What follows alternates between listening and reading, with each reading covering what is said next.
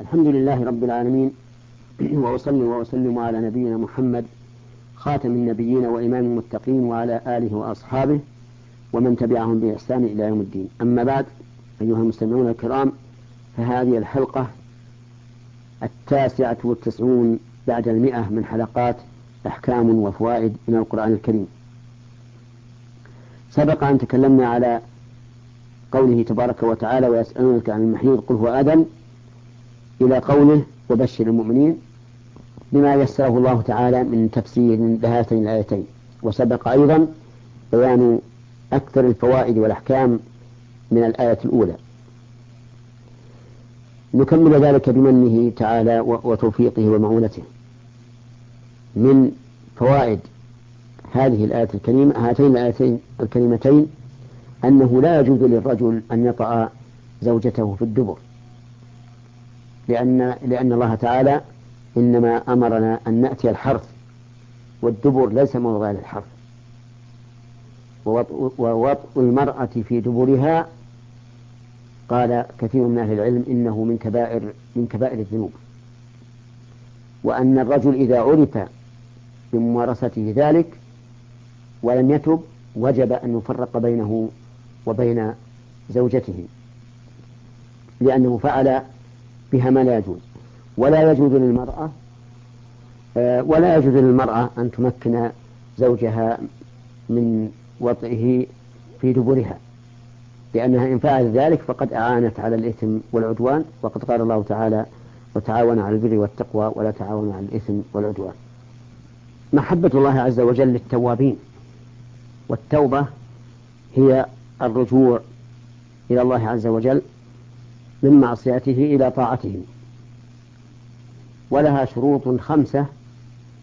الأول أن تكون خالصة لله تعالى بأن لا يريد الإنسان بتوبته التزلف إلى المخلوقين أو أن ينال بذلك آه، رتبة أو مرتبة دنيوية لأن الإخلاص فواته يبطل العمل.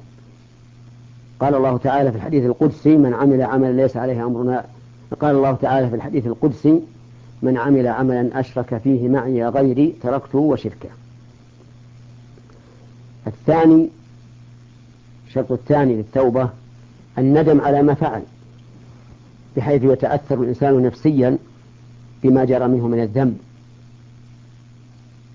الثالث الإقلاع عن الذنب في الحال.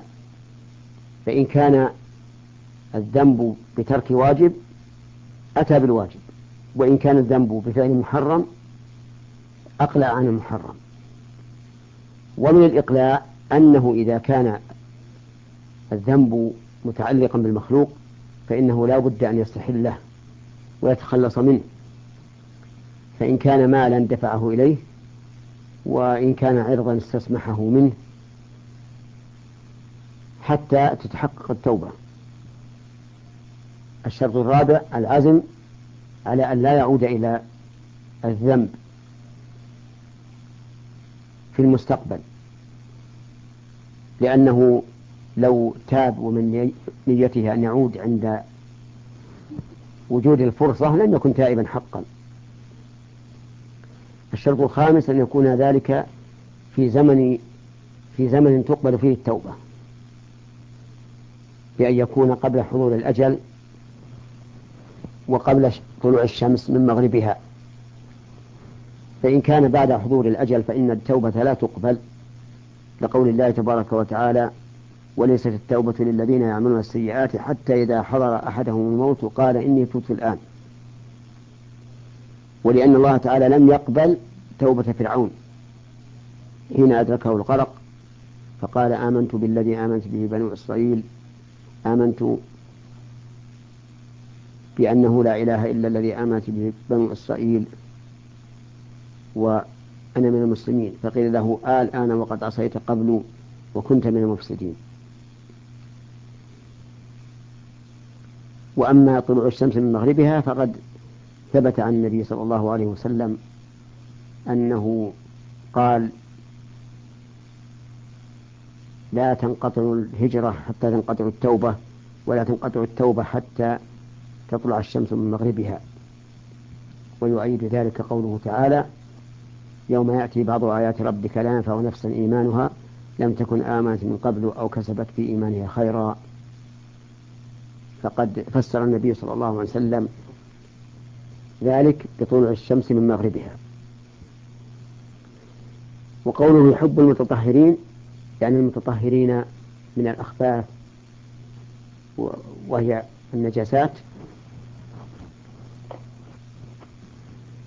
وهي النجاسات وكذلك المتطهرون من الأحداث من حدث أصغر أو جنابة.